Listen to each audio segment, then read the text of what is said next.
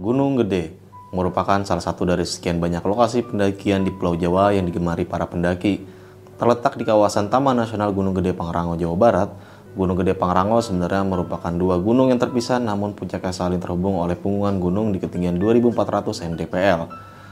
Sebagaimana gunung lainnya, Gunung Gede Pangrango juga memiliki mitos yang menyelimuti hingga kisah-kisah misteri yang kerap diceritakan dari mulut ke mulut.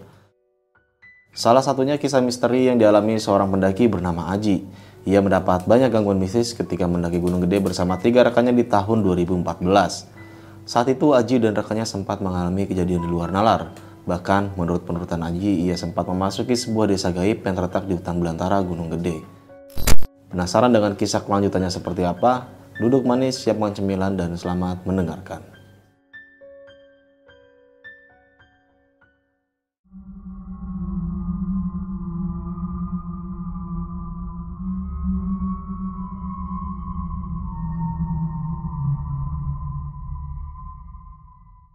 Assalamualaikum warahmatullahi wabarakatuh. Balik lagi dengan gue Indra di besok pagi. Sebelumnya gue sangat berterima kasih banget buat teman-teman semua yang sudah mensupport dan menonton besok pagi sampai saat ini. Semoga teman-teman semua yang menonton dan mendengarkan video dari besok pagi atau podcast dari besok pagi selalu diberikan kesehatan oleh Tuhan yang Maha Esa. Di kesempatan kali ini yang pastinya gue masih mendatangkan narasumber. Dan narasumber gue kali ini adalah datang dari jauh-jauh nih dari Sukabumi. Datang ke Bintaro. Ini memakan waktu yang lumayan cukup panjang dan lama tapi gokil banget dan gue sangat berterima kasih banget dia udah mau menyempatkan waktu dan ingin menceritakan pengalaman yang pasti pengalaman pendakian horor. Oke, kita langsung aja nih sapa narasumber gue kali ini. Halo, Bang Ajis nih ya? Iya, enggak. Bang Ajis. Nama Panggilan nama namanya? Nama Rinaldi. Oke. Cuman suka dipanggil Aji gitu. Oh, dipanggil Aji. Panggilan lapangannya Aji nih ya. Oh, jadi gue manggilnya Bang Aji aja nih. Iya, Bang. Oke nih, Bang Aji. Kalau boleh tahu, ini yang akan lu bawakan ini cerita pengalaman pendakian lu waktu di gunung mana nih? Itu waktu saya ngedaki Gunung Gede. Gunung Gede. Mm-mm. Waduh.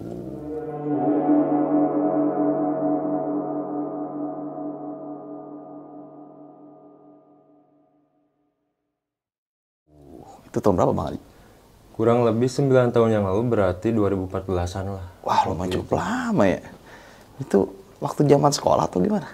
Waktu itu sehabis ujian nasional, Bang. Ah, Kan bebas tuh. ah, Apa belum belum kuliah, belum daftar apa-apalah. Waktu itu ditemanin sama tiga teman saya, dua cewek, satu cowok. oh berarti ini pendakian 4 orang ya? Iya. Ini lumayan cukup lama juga. Jadi teman-teman semua yang penasaran sama cerita Bang Haji, lu simak terus video ini sampai habis karena nanti di situ banyak banget nih pesan-pesan dan pelajaran yang nanti bakal kita dapatkan. Oke, jangan lupa juga kunjungi kita di Spotify dengan keywordnya besok pagi podcast pendakian horor dan kunjungi kita juga di Instagram karena di situ banyak banget info-info tentang pendakian gunung, tentang trip karena kita juga menjalani trip pendakian dan sewa rental alat pendakian lah. Di situ langsung aja kunjungi di IG kita yaitu besokpagi.edv. Oke, mungkin kita nggak usah berlama waktu lagi dan mungkin teman-teman semua penasaran dengan ceritanya Bang Haji kayak gimana dan seperti apa. Kita langsung aja masuk ke ceritanya.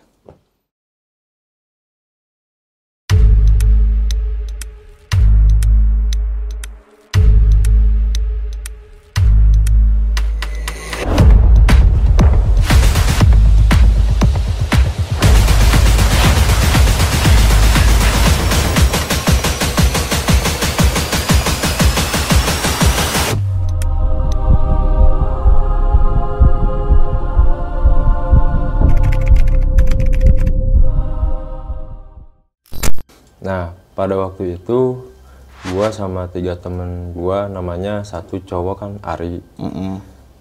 Ani sama Tiara yang cewek. Nah, gua tuh asalnya gak mau gak bakal naik gunung tuh bang. Sehabis ujian nasional itu tuh kan mau ke pantai ujung genteng waktu itu. Oh iya iya iya. Nah, cuman kan ke pantai itu sering ya kita udah pernah lah gitu. Deket juga ya. Mm-mm. Nah, ada teman gua yang namanya Ari. Namanya si Ari itu nyaranin gimana kalau udah pada naik gunung belum? Mm. Kebetulan kan gua belum pernah. Gimana kalau naik gunung katanya? Karena si Ari ini udah pernah sekali. Iya. Walaupun itu gua gak tahu ya kapan naiknya gitu kan. Nah, singkat cerita, obrolan itu pas di sekolah kan ya, sehabis UN lah, disetujui nih sama ketiga teman gua tuh. Mm. Nah, dari situ seminggu kemudian kumpul lagi di rumah si Ari. Oke. Nah, biasalah nyiapin peralatan kayak gitu, terus daftar simaksi kayak gitu. Nah, tiga hari se- setelah itu kita langsung berangkat Oke. ke Gunung Gede via Cibodas waktu itu. Dari Sukabumi mungkin dari Cikembar kita berangkat kurang lebih jam 7 pagi tuh kita berangkat hari Rabu. Iya. Hari Rabu kita berangkat jam 7 pagi nyampe ke Cibodas itu ke Cianjur kurang lebih memakan waktu satu jam setengah. Oke. Berarti setengah jam setengah sembilanan lah ya. Kita prepare segala macam lah, ngurusin administrasi dan lain-lain. Langsung kita naik. Naik tuh jam 9 pagi. Di perjalanan ya seperti biasa, gak ada apa-apalah pada, pada waktu itu. Nah, kita kan berempat nih, belum sarapan nih. Emang udah ngerencanain sarapan, ada kata si Ari di Telaga Biru.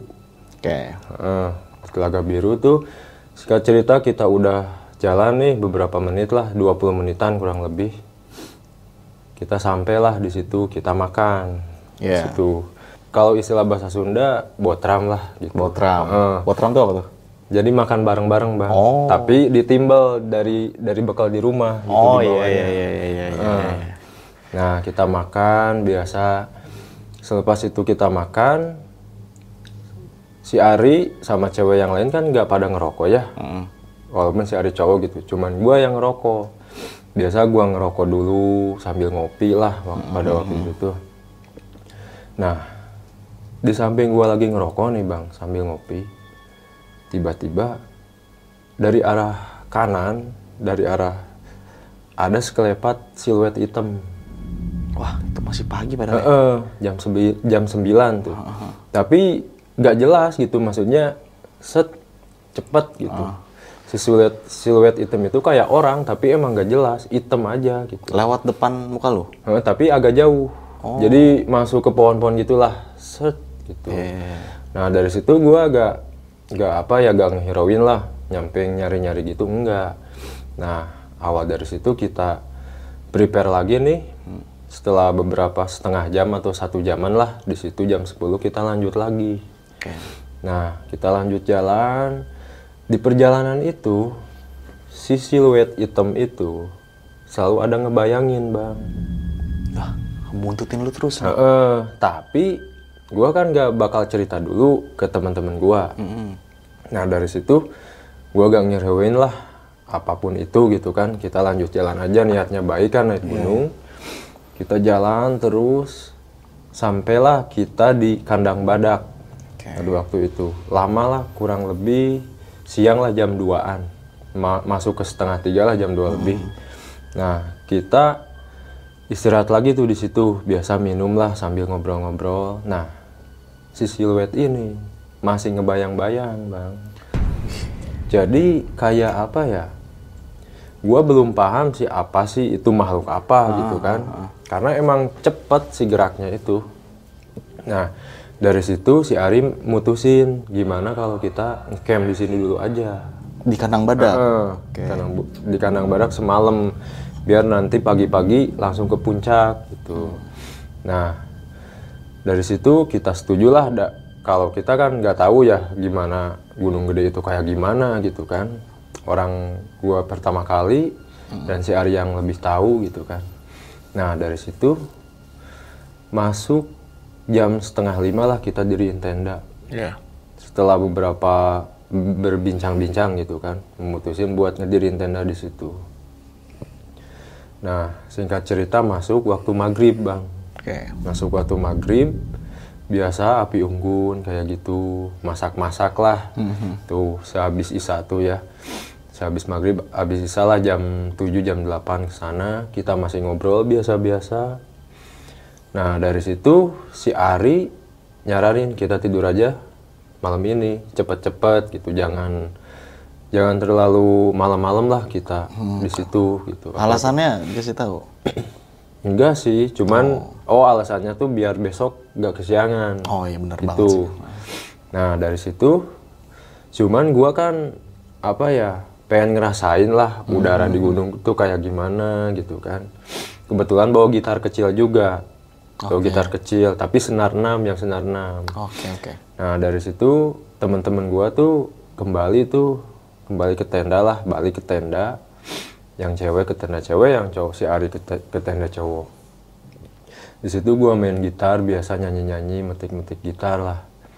Nah tiba-tiba di depan gua tuh kayak ada apa ya kalau ada sesuatu gitu yang lewat kan di semak-semak itu ada suaranya gitu kan. Iya. serak serak gitu. Nah di situ gua mulai ngerasa aneh.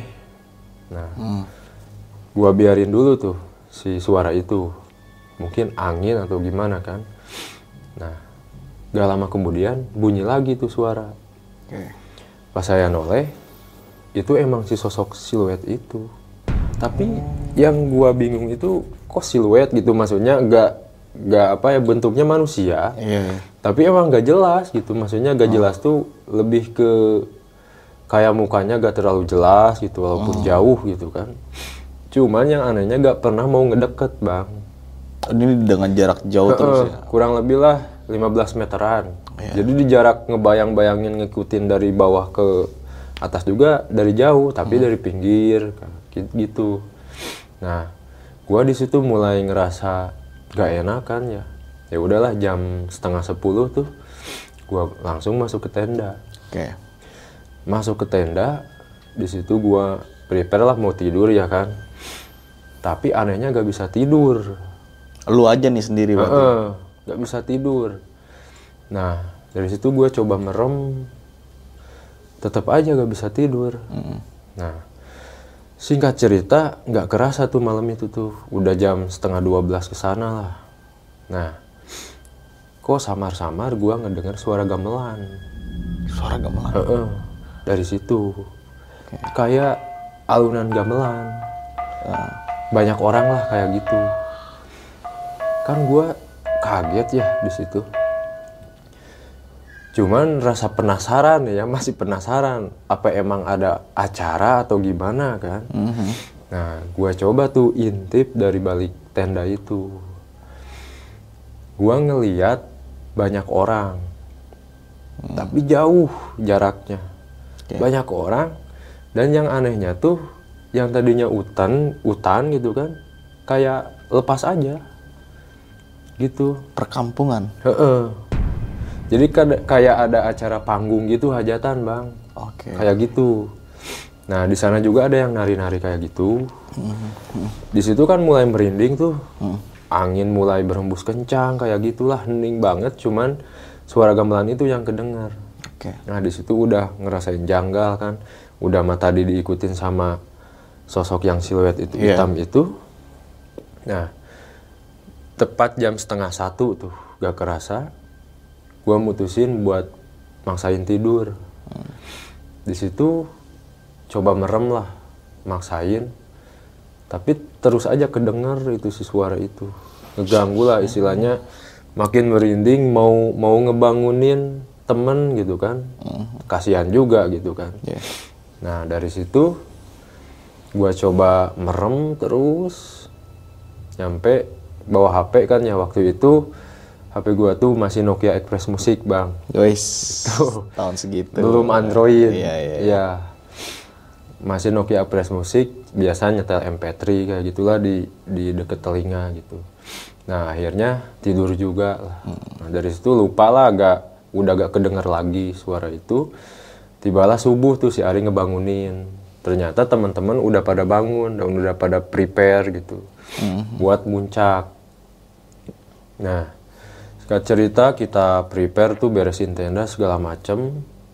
Kita muncak tuh awal dari jam 6. Oke.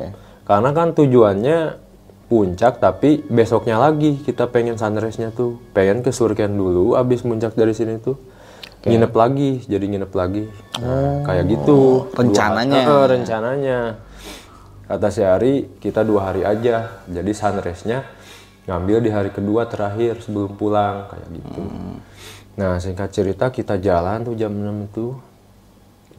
Sampailah di tanjakan setan. Nah, gua kan paling belakang, si Ari di depan, cewek di tengah.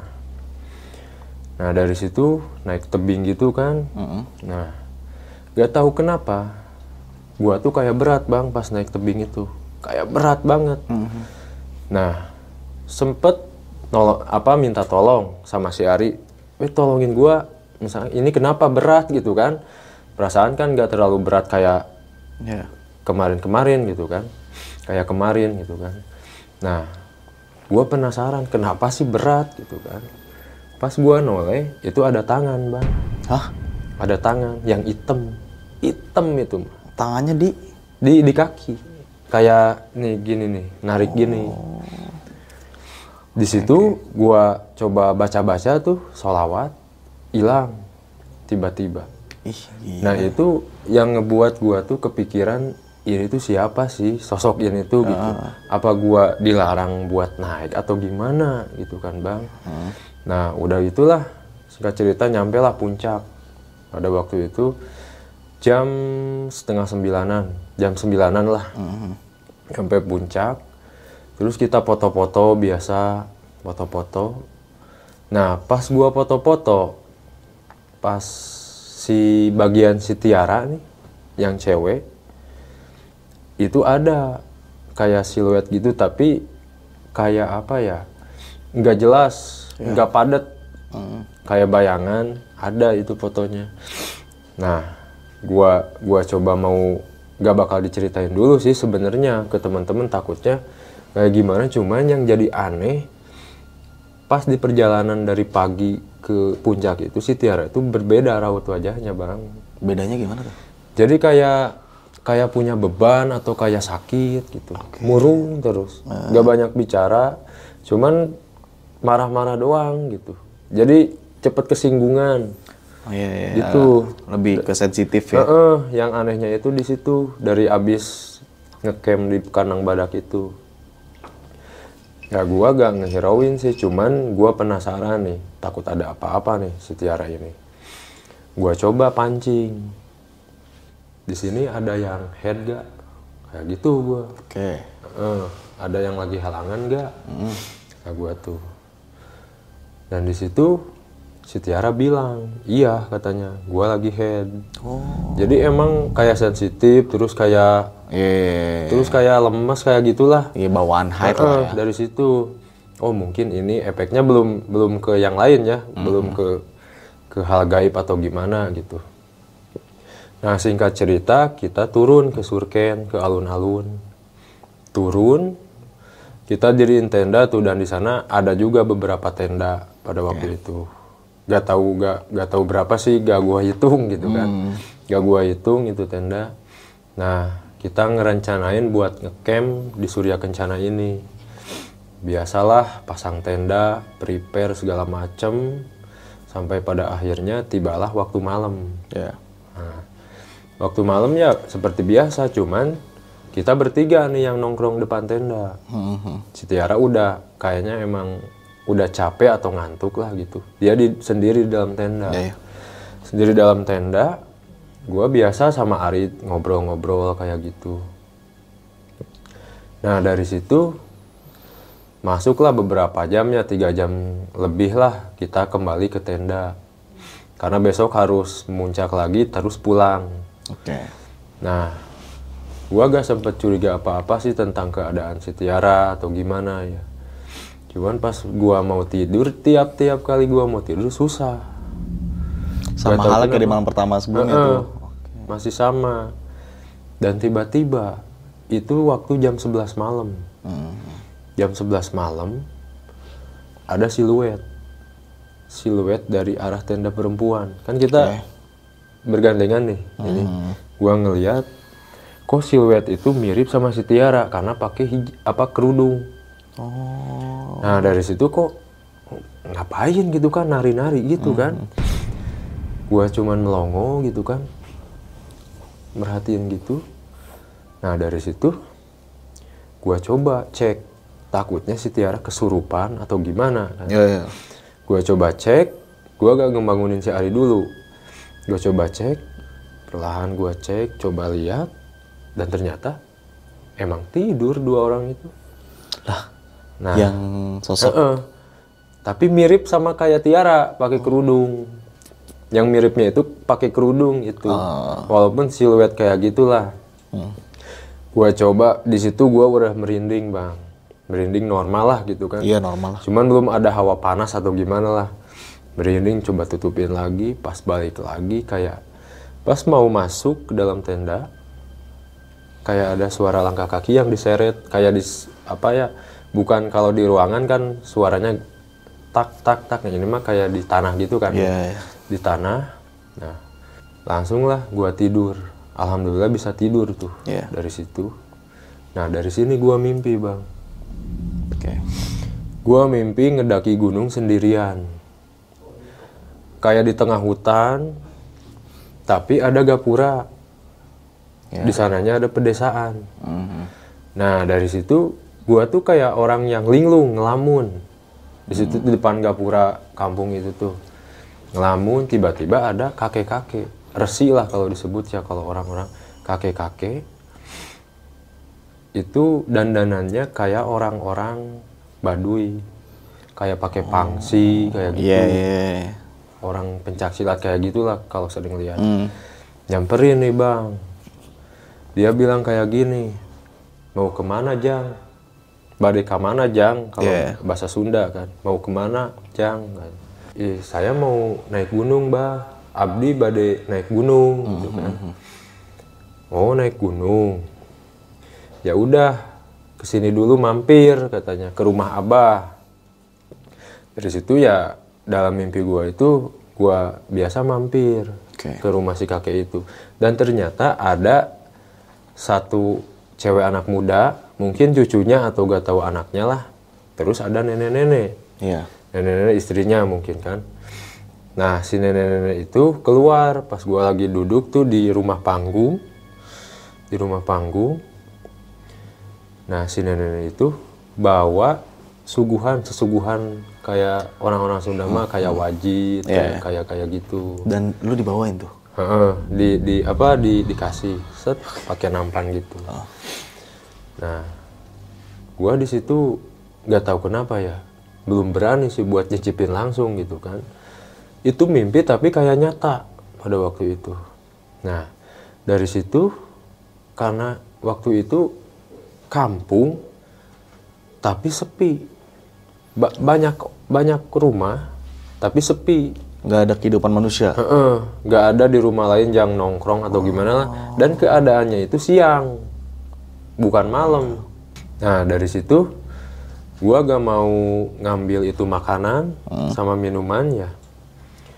Gua pamit nih ke si abah-abah itu. Gua pamit. Nah pas gua pamit, dia ngomong kenapa? Kenapa gak dicicipin katanya? Oh enggak bah, saya udah kenyang kata saya. Hmm. Nah dari situ ya udah bang makasih. Saya mau pamit mau ngelanjutin jalan. Oke. Nah dari situ gua pamit.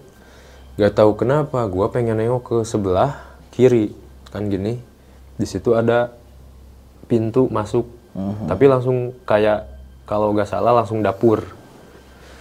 Nah itu gua ngelihat si nenek-nenek itu awalnya gini mukanya plet tapi tiba-tiba si lidahnya tuh keluar bang. Jadi. keluar. Nah tiba-tiba dari situ gua ada yang nepuk tek, dari belakang. Terus digini-gini. Dan ternyata itu si Ari yang ngebangunin. Oh di situ gua langsung astagfirullah gitu kan langsung ngeludah ke arah kiri. kalau mimpi buruk itu kan. Nah dari situ bangun bangun katanya. Itu udah ba- udah siang gitu kan. Waktu itu udah jam setengah delapan bang. Oke. kita ah mungkin kita gua juga berpikir ya gagal gagal lah gitu. Ngambil sunrise gitu kan. Hmm. gagal terus ada kabar dari si Ari. Kita gak bisa ngelanjutin naik. Kita langsung pulang aja. Berarti turun lewat Putri. enggak waktu itu gua diarahin sama si Ari itu turun lewat Pondok Halimun itu nah dari situ kata gua kan kenapa Ri gak lanjut ke atas? Gitu kan.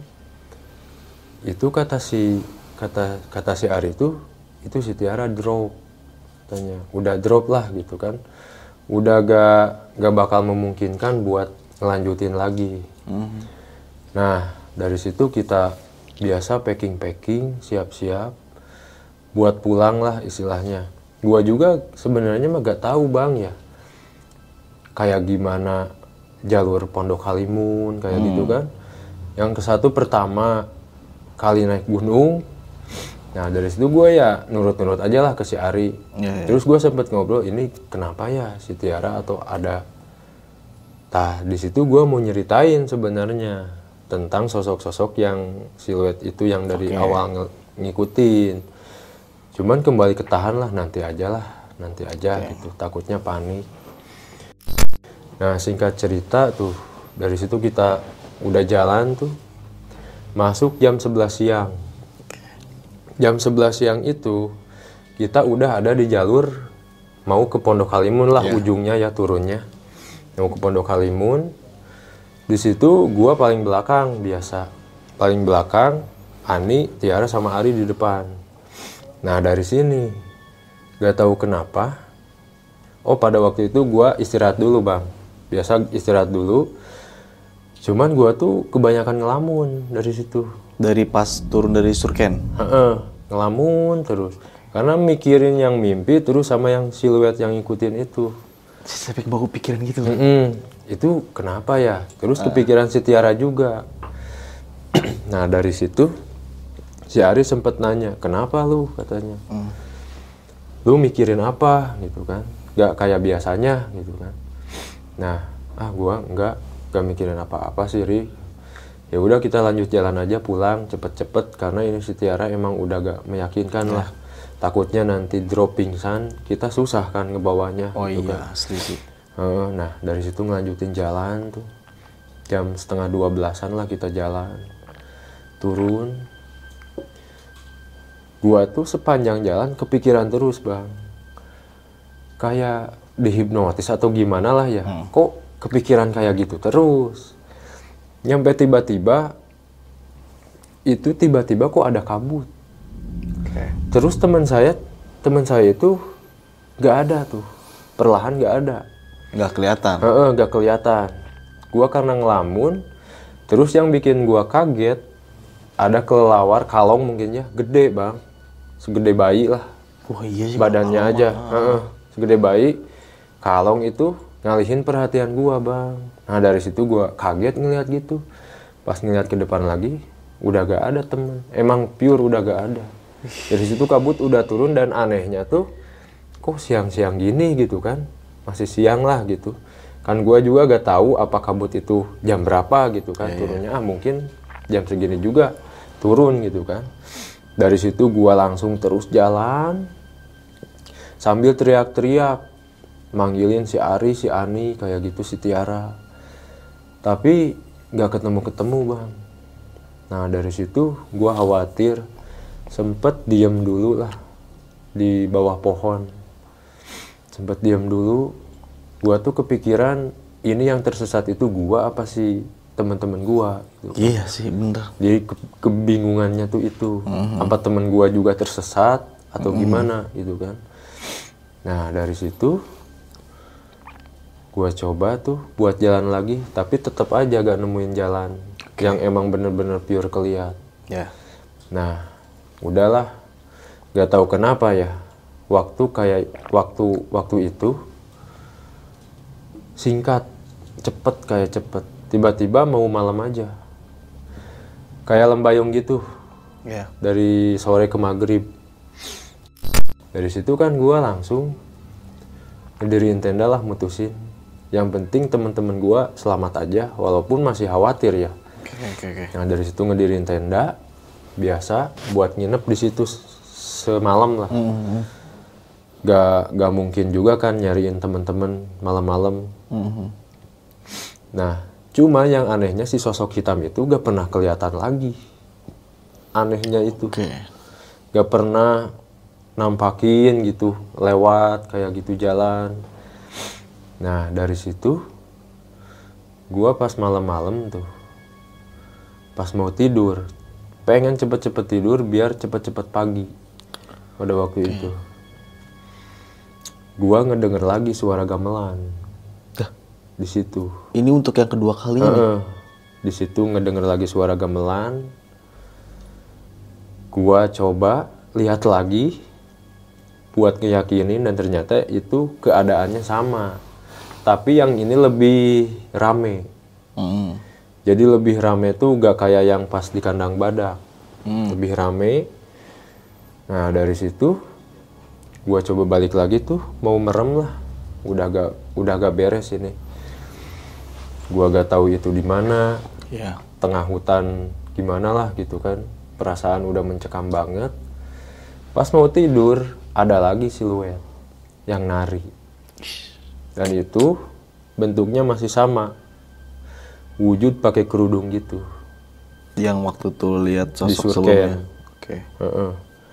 nah dari situ gua baca-baca dalam hati tapi masih tetap aja itu si sosok itu masih ada sama suara gamelan itu masih ada. Coba baca solawat tapi dijaharin di, disuarain gitu. Mhm. dibaca terus kurang lebih tiga menit lah terus baca itu dan akhirnya hilang. Oke. ya nggak tahu kenapa bang. Pas waktu itu gua gak tahu tidur atau enggak ya. Tapi gak sadar tiba-tiba pagi bang. Tiba-tiba ada bukan pagi ya ada cahaya matahari lah. Ya. Gitu. Tiba-tiba ada cahaya matahari oh mungkin ini udah pagi gitu kan, bang. Nah dari situ gua coba tuh buat sarapan dulu lah. Karena pada waktu itu cuman sisa mie instan tiga. Dimakan lah itu. Gua pengen cepet-cepet balik dan gua khawatirnya tuh temen gua di mana gitu kan bang.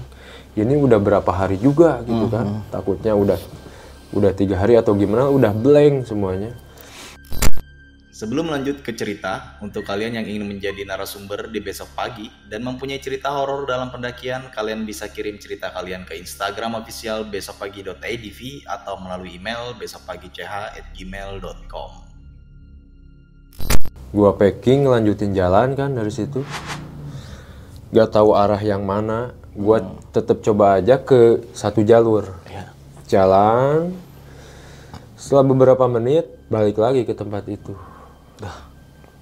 Di situ-situ aja. Heeh. nah dari situ ah mungkin gua halu atau gimana kan coba jalan lagi penasaran balik lagi ke tempat itu dari situ ada pohon gua sobek tuh si kulitnya sedikit Oke. buat nandain Ya.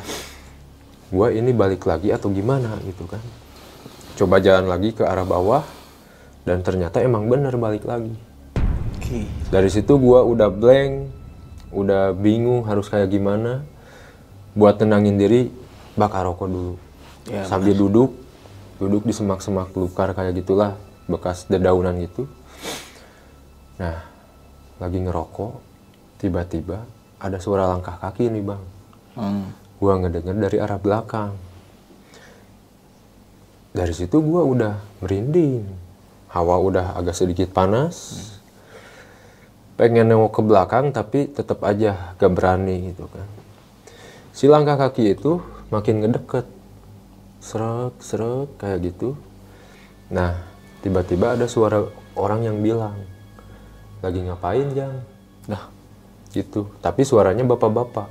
Tapi gua belum ngeliat tuh sosoknya. Ini dibisikin lu. enggak pas gua noleh ada.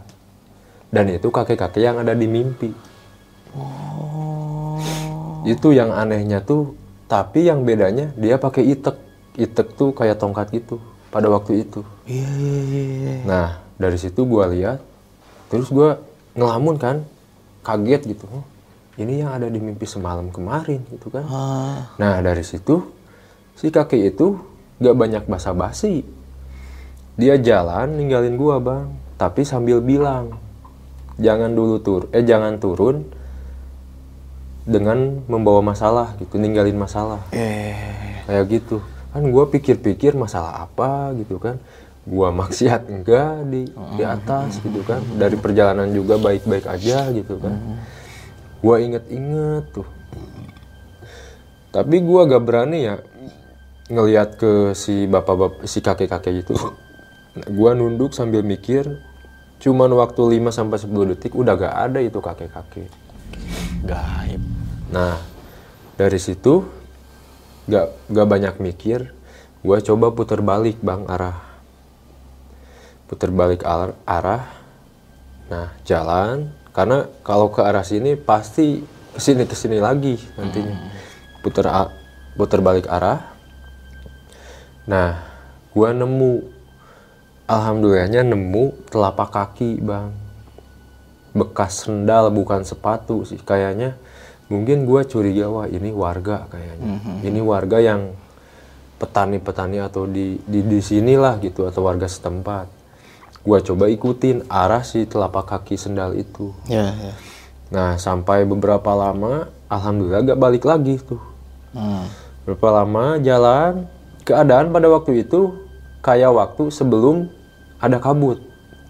Oke. jadi gak tahu pagi gak tahu apalah gitu. Gua gak ngerti gua jalan sampai pada akhirnya nih ada sosok bapak-bapak sama warga lah beberapa orang gitu kan. Saya coba nanya pak ini ke arah Pondok Halimun yang dekat Elang Jawa ke arah mana? Ya. dari oh ke arah sana aja jang katanya. Nanti nanjak belok. Terus mudun ke apa turun ke turun ke ke bawah gitu kan. Berarti lu sempat ketemu orang dong di situ. cepet udah beberapa lama ngikutin jalan itu. Oke. nah dari situ dan akhirnya alhamdulillah gua nyampe di gerbang kayak gitulah. Itu Pondok Halimun gitu kan. Dan di sana udah ada teman-teman gua bang. Lagi duduk terus si Tiara kondisinya apa ya pingsan? Enggak sih ya. Cuman emang lemes gitu. Baring lah ngebaring si Tiara itu dari situ gua teriak tuh ri! Nah si Ari itu kaget ngeliat saya. Langsung lari tuh nyamperin. Lu ke mana aja? katanya.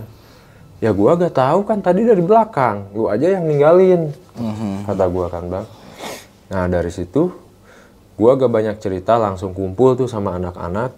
Dan kabarnya si Ari ini udah ngabarin temen yang bawa mobil Iya, iya. buat ngejemput.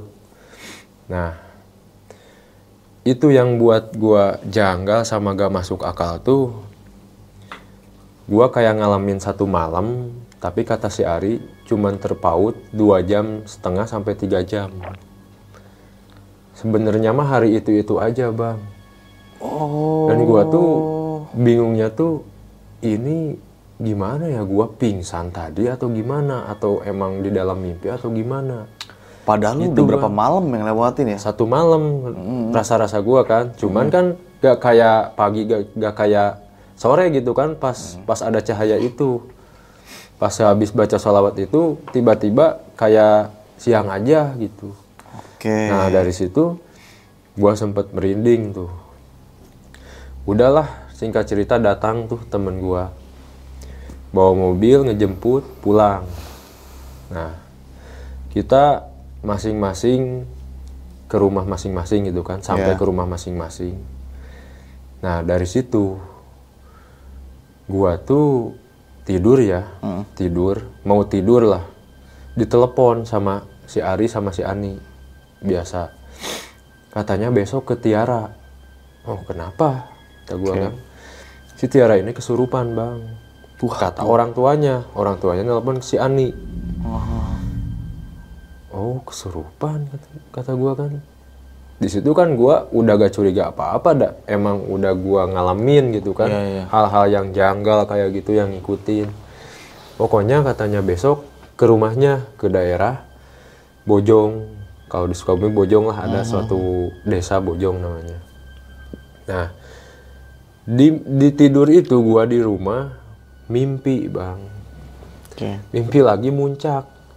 Lu. Heeh, tapi emang sama ketiga teman gua bang Oh. Cuman yang bedanya si Tiara itu misah sendiri bang di mimpi itu. Jadi kita bertiga si Tiara itu kayak minta tolong dari jauh Oke. di mimpi itu. Nah dari situ kebangunlah adaan subuh ya dibangunin sama ibu. Nah setelah sholat subuh biasalah sarapan ngopi kayak gitulah. Jam tujuh setengah delapanan kita berangkat Iya. ke rumah si Tiara. Singkat cerita, tibalah di rumah si Tiara tuh.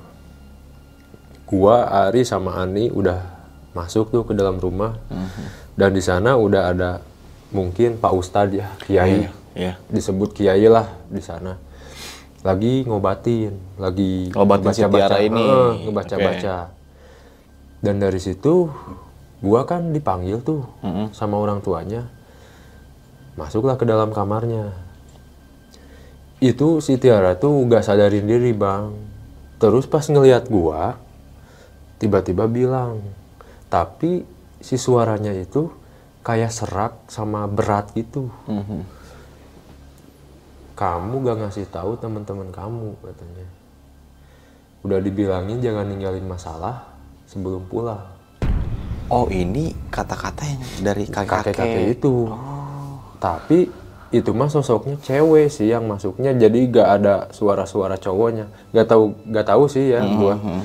nah dari situ gua kan cuman melongo gitu kan masalah apa sih sebenarnya gitu kan. Karena setelah beberapa lama mungkinnya si Pak Ustadz itu ngajak kita ke ruang tamu rumah si Tiara buat ngobrol.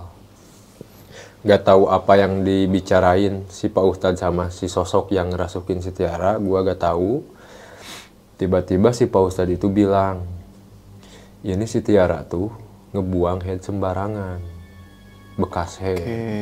Dan gua gak tahu. Gak tahu di mana ngebuangnya. Gak tahu pas di Telaga Biru atau di kandang badak gua gak tahu. Atau di pas di Surya Kencana.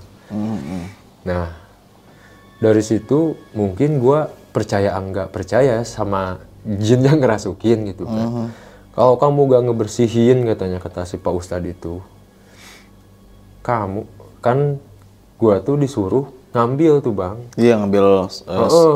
pembalutnya dia ya. Heeh, gitu cuman gua kok ini kayak dikerjain sama jin gitu kan Iya, iya. gua sempet nolak nih sebagai Iya.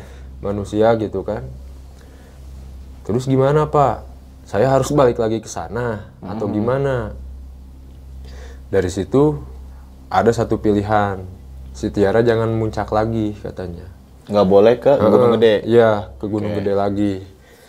Ya gua lah terima aja lah ya gitu kan. Hmm. Dan gua juga masih mungkin itu jinnya atau iseng atau gimana lah gitu gua gak tahu cuman ya mungkin kesalahan Tiara juga ngebuang apalah hal kotor kotoran gitu sembarangan kan kalau kita juga ya kalau gua ngebuang sesuatu di di tempat ini gitu kan pasti ada yang marah gitu Pasti, kan. pasti, itu pasti. mungkin gitulah pemikiran gua pada waktu itu.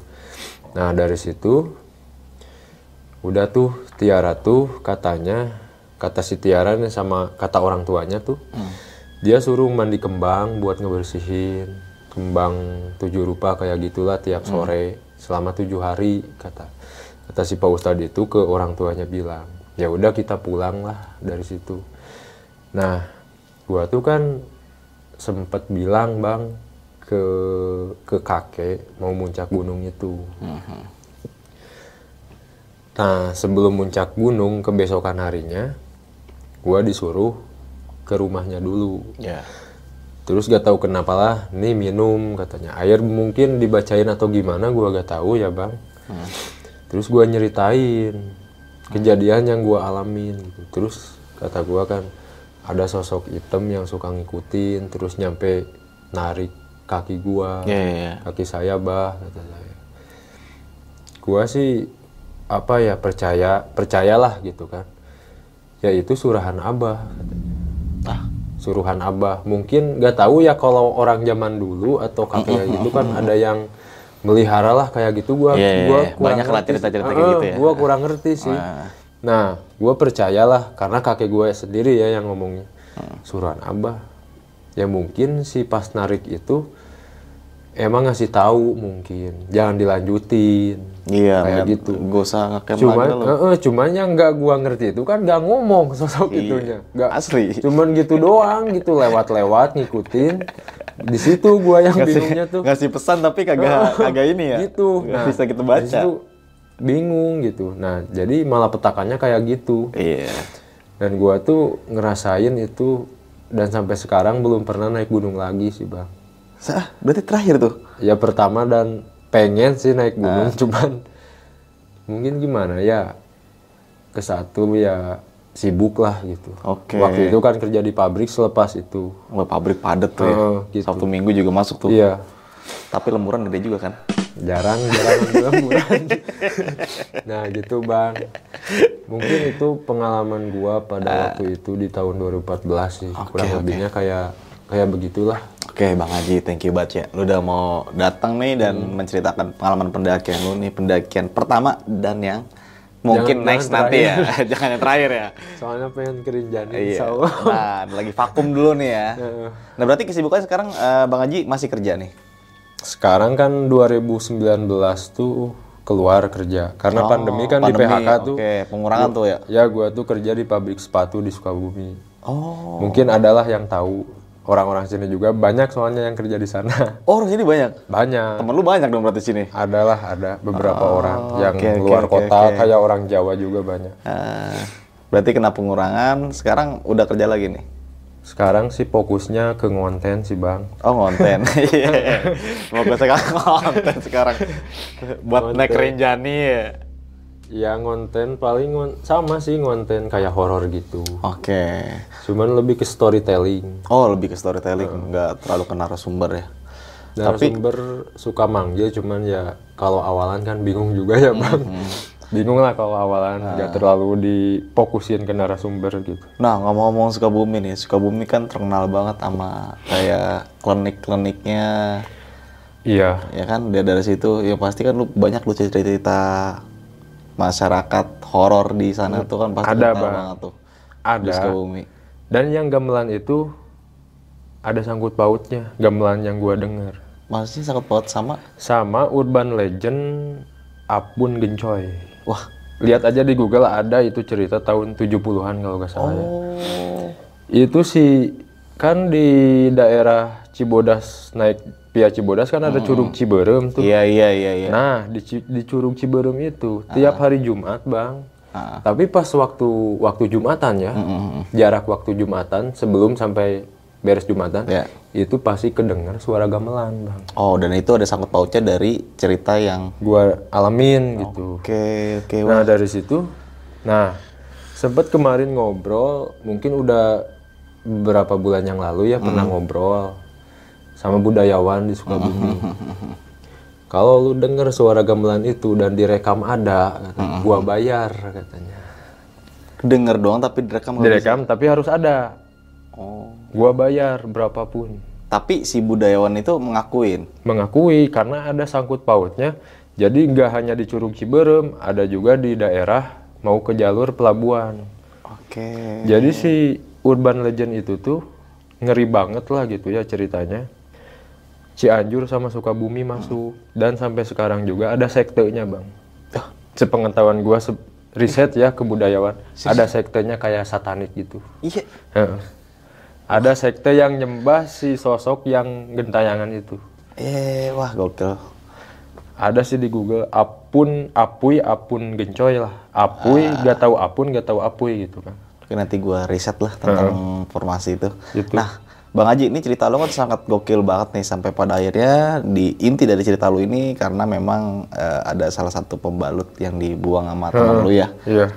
yang berakibat ya teman lo mengalami kejadian-kejadian yang mungkin di luar nalar kita ya Iya. seperti tadi kesurupan dan Masuk logika lah. nggak masuk logika walaupun lu udah dipesanin sama abah lu nih ya abah lu ngasih sesuatu ke lu? Iya, sesuatu lah kayak gitu. supaya lu tidak terjadi apa-apa tapi kan pesannya Iya, ini ya. Cuman gua kan gak ngerti bang, jadi gak gak ngerti lah macam-macam kayak gitu, gitu. Yang jadi gokilnya itu, bener sih bener. Oke. nyangkanya sosok yang di situ. Ah, nah tapi waktu setelah pendakian itu eh, ada beberapa teman lo yang masih aktif mendaki memang apa udah vakum semua tuh? Ada sih beberapa, kayak si Ari kayak gitu kan. dan si Tiara ini nggak boleh naik Gak pernah ngendaki lagi. dan emang nggak boleh naik gunung gede Heeh. sampai sekarang ini Enggak. dan seterusnya tuh Iya, karena semp- kalau sekarang tuh jadi emang si Tiara itu fisiknya sih agak agak kurang lah gitu. oh kayak punya penyakit atau gimana lah gua gak tahu. Jadi emang agak kurang lah. mhm. Mungkin kita nekat-nekat aja waktu itu. Ah. nah yang gue baru tahu nih pondok Halimun itu berarti turunnya dari Dari apa ah, kalau kan tadi lu dari Surkan ya Surya Kencana turun lewat jalur Putri tapi Iya. kata kan bukan lewat pondok Halimun Nah, Pondok Kalimun itu sebelah mana? Ji? Itu tuh jadi si tembus Pondok Kalimun tuh salah bintana bang. Salah Bintana. Salabintana. Salah Bintana. Oh, salah Bintana. Iya, Salah Bintana. Cuman Oh. namanya Pondok Kalimun. Oh, oke oke oke. Saya bingung Pondok Kalimun mana. Oh, Iya, iya. Salah. Bintana, cuman kan itu ada Elang Jawa di sana. Nah, Iya, disebutnya tuh iya. Pondok Kalimun. Penangkaran Elang Jawa ya? Heeh, Oke. Itu. Oh, gue bilang Pondok Kalimun, gue kira Pondok Kalimun Salak nih. Pondok Kalimun Salak ke Jawa Barat ya kan? Bukan. Oke oke. Nah, Ji, ini cerita lu sangat gokil banget. Semoga bisa menjadikan pelajaran juga bagi teman-teman semua yang menonton video lu kali ini ya. Salah satunya pesan yang di mana jangan buang pembalut sembarangan. Ya, pembalut buang sembarangan. Jangan kan Iya. dibuang di tempat-tempat kayak gitu ya. Di rumah kita pun kalau buang sembarangan di taruh depan rumah juga orang tersinggung ya kan. Lagi juga jorok juga ya. Pokoknya itu pesan-pesan sangat berarti banget bagi kita semua. Nah, sebelum kita makrif video atau cerita lo kali ini nih, Ji, lu punya pesan-pesan nggak buat teman-teman semua yang menonton video lo kali ini nih? Ya mungkin pesennya sih harus lebih ke kalau misalnya naik gunung atau mau trip ke mana pun ke pantai ya Hmm. jaga sopan santun lah dan apa pun itu karena kita kan bermacam-macam suku sama budaya gitu kan. Asli. kita gak tahu kan suku Sunda kayak gimana suku apa Kalimantan kayak gitu Iya, kan gak tahu gitu kan jadi lebih ke sopan santun aja sih yang lebih dijaga gitu bang Oke, oke. Nah, itu penting banget ya pesan dari Bang Haji. Semoga teman-teman semua yang menonton dan menyimak cerita Bang Haji ya, waktu di Gunung Gede tahun 2014 bisa mengambil sisi baiknya dan bisa menjadikan pelajaran kita semua dari gue Indra. Gak ada pesan-pesan, semoga dan saksikan video-video berikutnya dari besok pagi. Kurang lebih maaf. Wassalamualaikum warahmatullahi wabarakatuh.